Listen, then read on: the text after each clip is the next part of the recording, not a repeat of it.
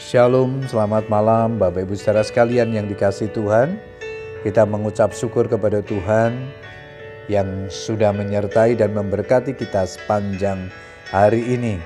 Malam hari ini kembali kita berkesempatan berdoa dengan keluarga kita.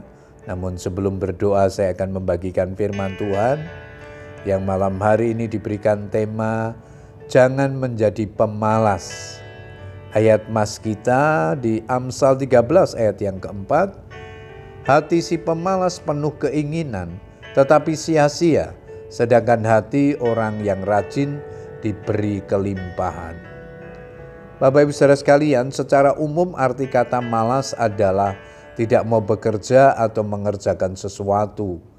Keengganan seseorang untuk melakukan sesuatu yang seharusnya dapat dilakukan atau hilangnya motivasi seseorang untuk melakukan suatu pekerjaan. Bagaimana dengan kita?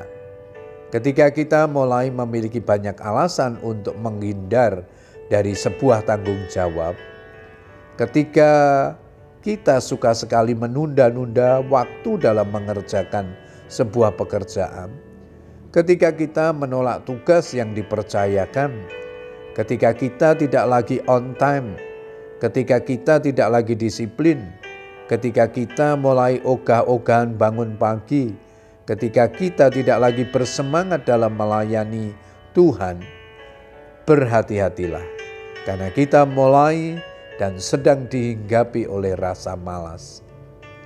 Ada kabar buruk bagi para pemalas. Kesuksesan atau keberhasilan di segala bidang kehidupan ternyata tidak akan pernah menghampiri orang-orang yang malas bekerja. Ada kalimat bijak yang mengatakan, "Jika kamu terus malas bekerja, atas dasar apakah engkau mengharapkan sebanyak yang dihasilkan oleh orang-orang yang rajin?"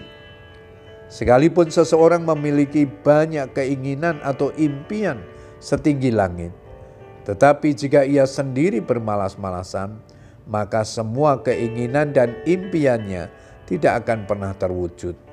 Amsal 21 ayat yang ke-25 di sana dikatakan si pemalas dibunuh oleh keinginannya karena tangannya enggan bekerja. Sesungguhnya kemalasan itu bisa diklasifikasikan sebagai salah satu penyakit mental dan kalau penyakit ini terus dibiarkan dan dipelihara akan semakin menjadi kronis bukan hanya merugikan, tetapi juga akan menghancurkan diri sendiri. Karena itu Rasul Paulus sangat menentang keras orang yang malas. Dalam 2 Tesalonika 3 ayat yang ke-10 di sana dikatakan, jika seorang tidak mau bekerja, janganlah ia makan. Sebagai hamba Tuhan, sebenarnya Paulus berhak untuk mendapatkan penghidupan dari orang-orang yang dilayaninya. Tetapi ia sendiri telah menunjukkan teladan hidup yang luar biasa dalam hal bekerja keras. Kami tidak lalai bekerja di antara kamu dan tidak makan roti orang dengan percuma. Tetapi kami berusaha dan bercerih pepaya siang malam supaya jangan menjadi beban bagi siapa pun di antara kamu.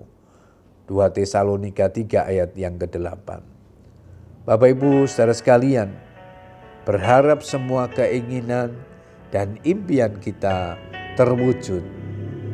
Janganlah menjadi pemalas dalam kehidupan, sebab orang yang rajin akan menerima berkat-berkatnya.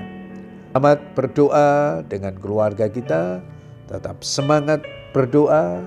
Tuhan Yesus memberkati kita semua. Amin.